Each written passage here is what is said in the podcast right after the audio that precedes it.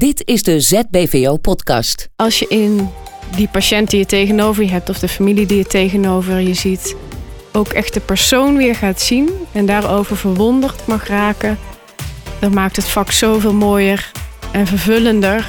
En ik denk dat de tijd nemen, zoals we het al even noemden, echt van harte de moeite waard is. Ouderenzorg staat centraal. Altijd. Iedereen binnen ZBVO is erop gericht ouderen een fijne dag te geven. Een oude dag zoals zij die willen. Kwaliteit van leven staat voorop. Dat betekent dat wij het anders doen. Wij helpen zorginstellingen, zorgvilla's en huisartsenpraktijken die net als wij denken in mogelijkheden en gaan voor efficiëntie op de werkvloer. In deze podcast gaan we in gesprek met onze specialisten. We delen verhalen, kennis en kunde over de ouderenzorg. Ouderenzorg staat bij ZBVO centraal. Altijd. Welkom bij de eerste podcast van ZBVO. Onze gast van vandaag is Lotte Voets. Ze is specialist ouderengeneeskunde en accounthouder van het account Ethiek. Ze behandelt 170 patiënten met dementie en dat doet ze samen met twee verpleegkundig specialisten en een basisarts. Ze doet dit in twee verpleeghuizen en een zorginstelling voor kleinschalig wonen in Tilburg en Goorlen. Lotte, welkom. Dankjewel. We gaan met jou in gesprek over ethiek in de laatste fase van het leven. Je bent specialist ouderengeneeskunde. Wanneer dacht je, ethiek is mijn specialisme binnen dit vak? En wat heb je gedaan om daar te komen? Um, ja, het is wel grappig dat je dat vraagt. Ten eerste dank voor uh, de uitnodiging voor deze podcast. Ja, ik voel me eigenlijk wel vereerd om dat uh, als eerste hier te kunnen doen. En, maar eigenlijk is het omgekeerd gegaan. Um, eigenlijk sinds ik begonnen ben met geneeskunde ben ik vooral eigenlijk nieuwsgierig geweest naar het levenseinde van mensen. En ook de palliatieve zorg, zoals we dat noemen. Dat is de zorg rondom het einde van het leven. En wat ik heel mooi vind, is dat daar eigenlijk alles samenkomt uh, van een persoon. Dus het leven wat iemand geleid heeft, uh, wat is belangrijk, wat is nu van belang.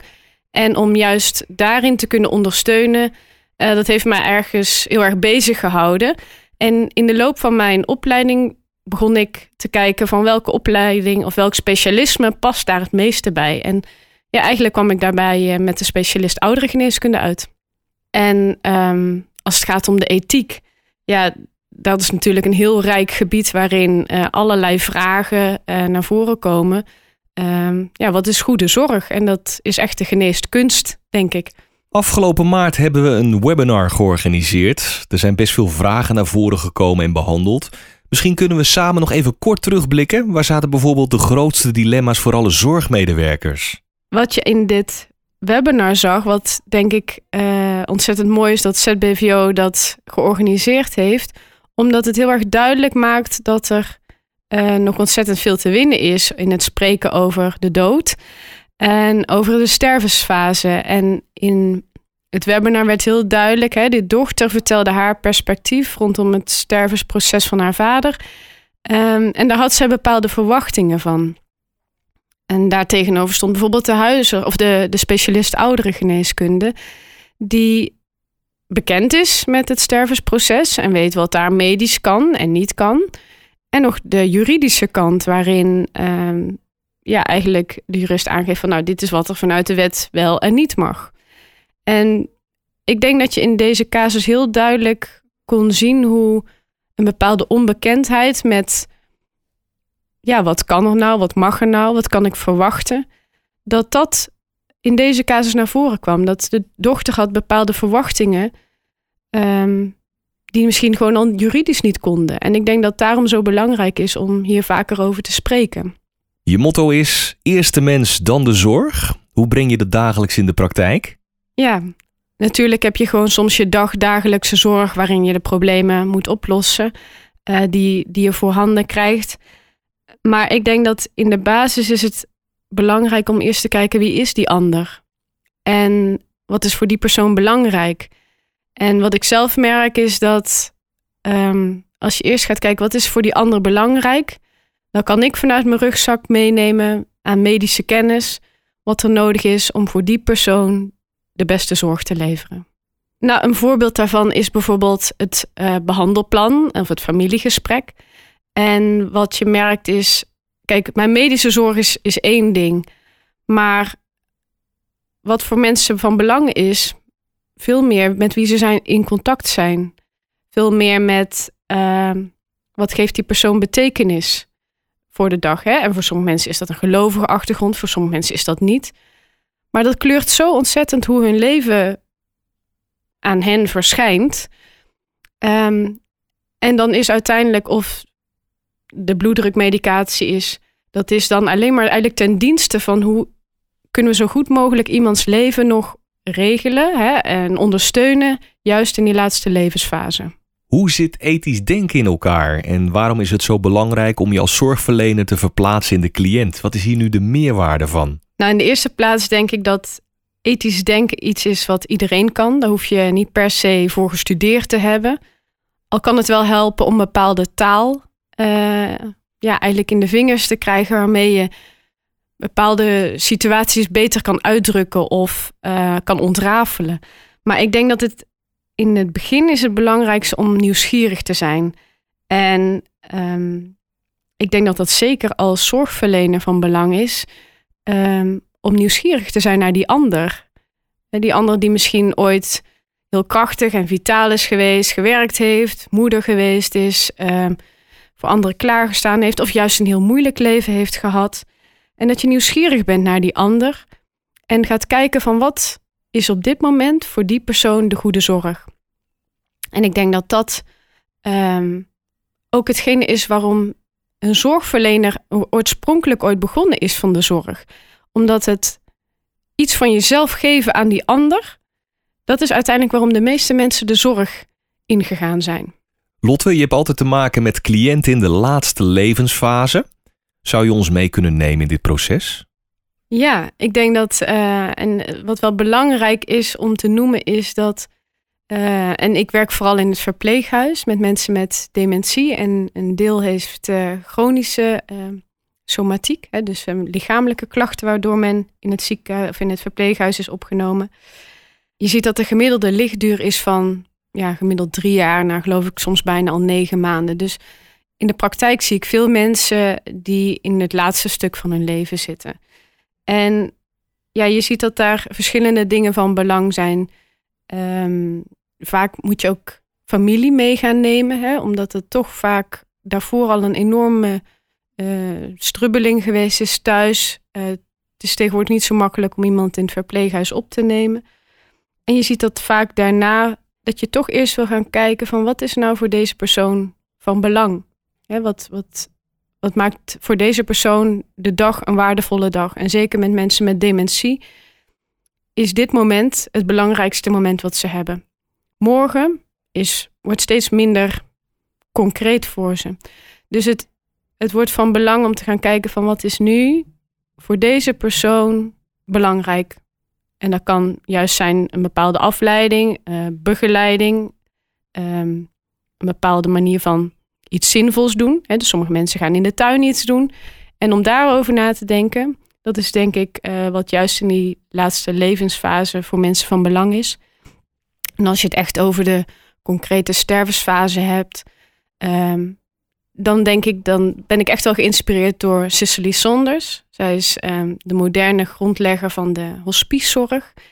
En zij kijkt naar de hele mens. En dat, ik weet dat meer mensen dat doen, maar bijvoorbeeld pijn.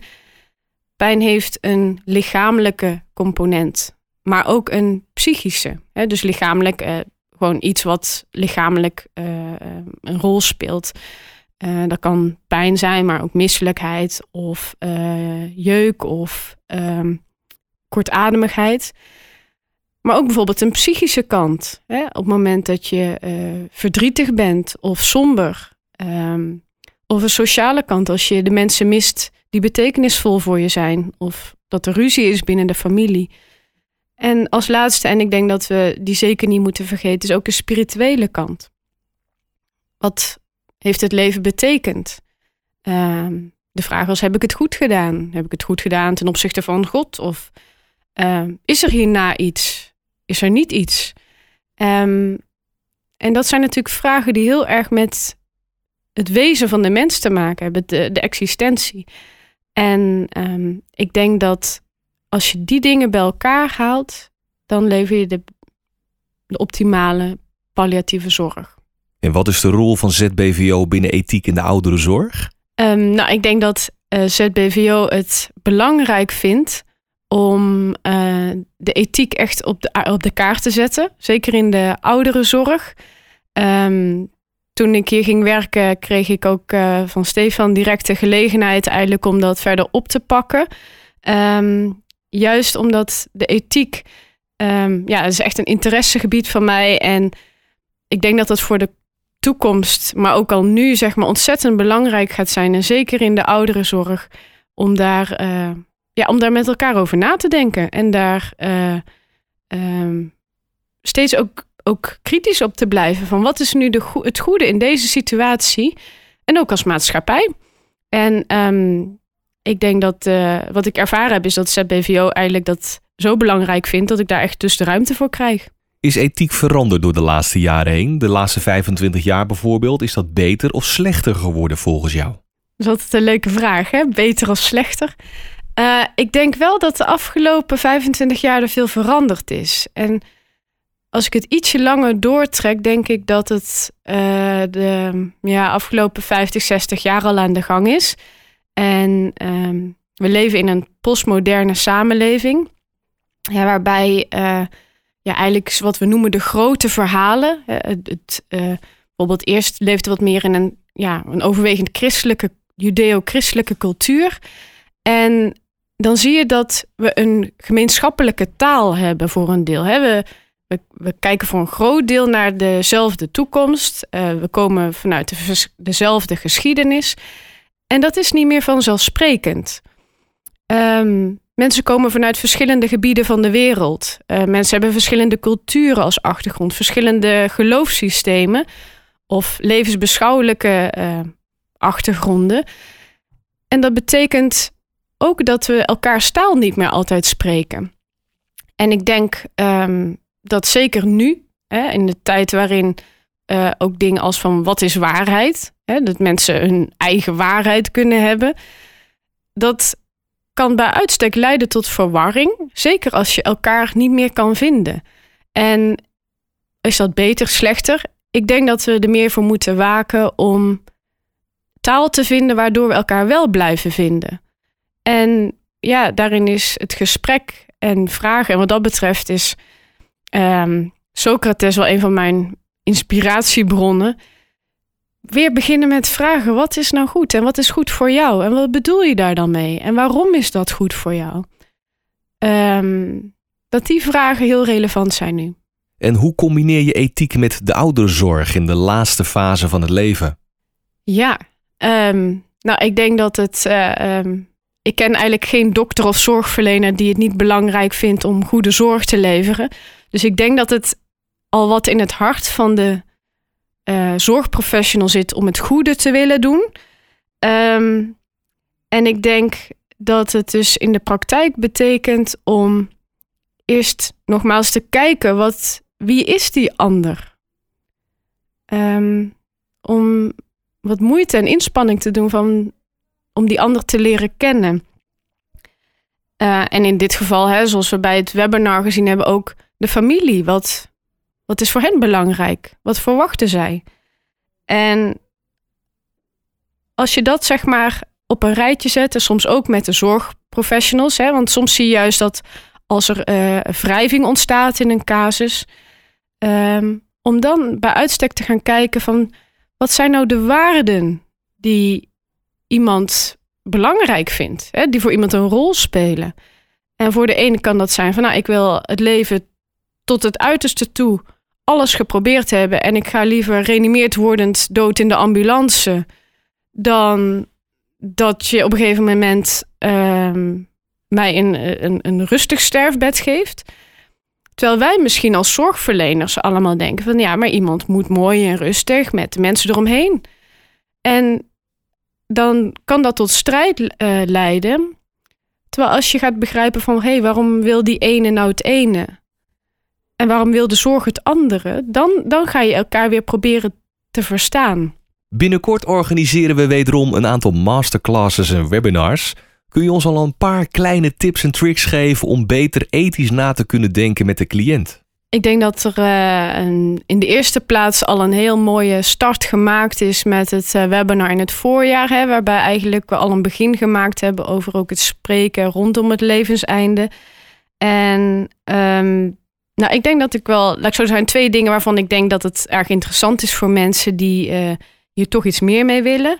Het eerste is de, de ZBVO Academy Masterclass. Praten is vooral doen ook over het levenseinde. En uh, daar zal ik een, een, woordje hebben, maar ook Rob Bruntink en specialist ouderengeneeskunde Margot Verkuilen. En wat ik ehm, misschien daar al een klein beetje zou willen uitdagen voor degene die dat wil, is um, enerzijds zeg maar het verstillen, het vertragen en verwonderen. Um, soms kunnen kinderen ons daar een heel goed voorbeeld van geven. Dat je gewoon eens soms even ergens bij stilstaat. En soms kan dat heel fysiek, dat je bijvoorbeeld aan het wandelen bent. En misschien even om je heen kijkt van wat hoor ik, wat zie ik. En um, sommige mensen doen dat door mindfulness, weer anderen door meditatie of uh, door bidden. Um, en weer iemand anders door dus inderdaad te gaan wandelen. Maar dat op het moment dat je iets meer de omgeving eens een keer op je laat inwerken. Of eens naar die patiënt kijkt en eventjes ziet van hé, hey, wie is deze persoon? Dat je ook van daaruit gaat verwonderen.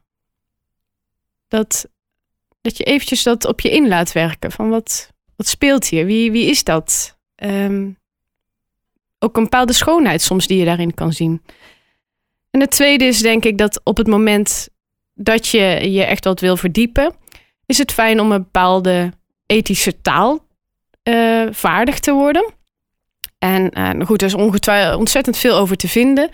Um, in de, de herfst zullen we vanuit ZBVO een uh, sessie gaan houden, een sessiereeks over medische ethiek. Waarbij Beecham en Childress als leidraad ja, vormt. En um, dan gaan we het inderdaad hebben over de concretere begrippen van de medische ethiek en hoe je die kan toepassen in ethische casussen in, het, in de ouderenzorg. Ja, in de webinar stelde iemand de vraag: over goede zorg moet vaker gereflecteerd worden. Is er voor ruimte nu in de zorg? Ik vind het uh, heel mooi dat deze persoon die, uh, die vraag stelt. Want uh, eerder refereerde ik daar al wat aan. Hè? Dat vertragen, verstillen en verwonderen. reflectie is natuurlijk bij uitstek een manier om dat te doen. En um, ik denk dat de vraag stellen hem eigenlijk al beantwoorden is. We zien natuurlijk dat er met personeel, dat we toch vaak met tekorten te maken hebben en dat er gewoon werk te doen is. Maar ik denk dat het wel degelijk belangrijk is. De praktijk laat zien dat het uitdaging is om het in te passen. Maar ik denk dat de zorg er uiteindelijk wel beter van wordt als we dat meer ruimte geven. Een andere vraag uit de webinar. Hoe doorbreken we taboe op praten over sterven? Ik denk dat we nu daar al een mooi begin mee gemaakt hebben. Ehm, zeker ook met het webinar eh, in het voorjaar, uh, wat door ZBVO georganiseerd is. En ehm, wat je ziet is dat we tegenwoordig heel makkelijk praten over euthanasie. Hè? Dat dat voor heel veel mensen een bekend begrip is. Uh, en dat de overheid daar ook heel veel kennis over verspreid heeft.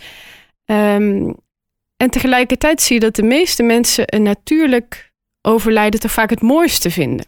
Um, maar daar horen we eigenlijk helemaal niet zoveel over. En ik denk dat, uh, dat we daar echt een taak hebben als artsen, maar zeker ook als maatschappij. En uh, ik vind het op zich niet zo heel gek dat dat taboe er is. Als je al bedenkt dat bijvoorbeeld eh, als iemand overlijdt in het ziekenhuis, dan gaat iemand via een andere uitgang naar buiten. Dus er is ook iets dat we de dood wat buiten ons leven houden. En tegelijkertijd zien we dat um, we er ook heel erg open over spreken. Maar echt de kennis over een natuurlijk stervensproces, daar is echt nog wel een weg te gaan.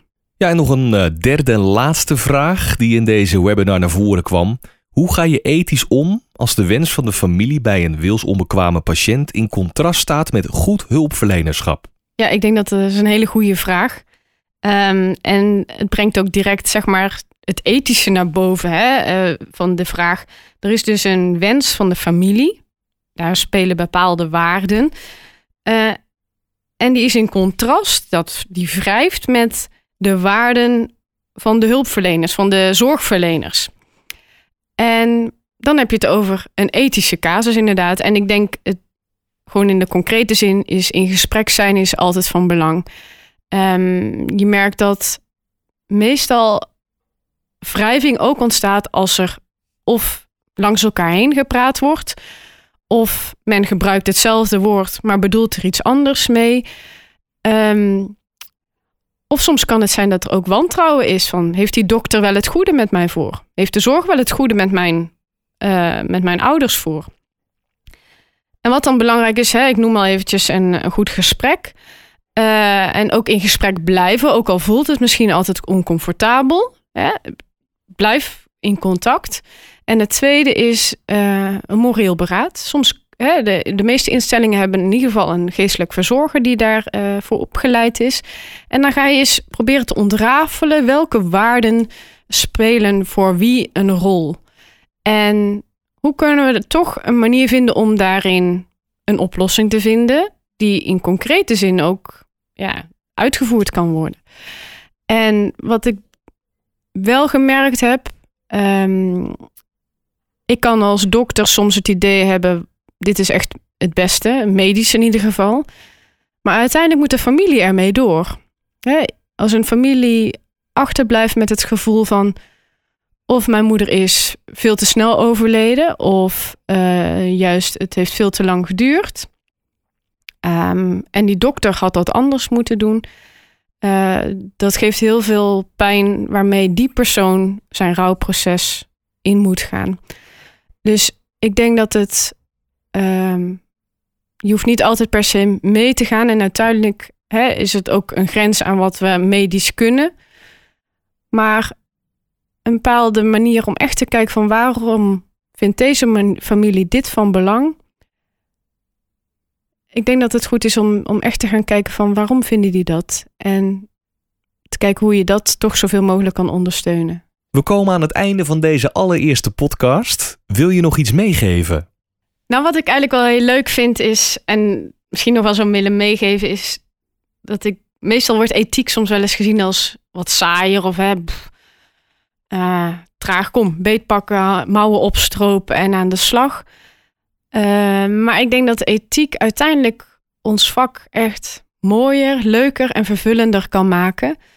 Um, omdat je dan weet waarom je het doet.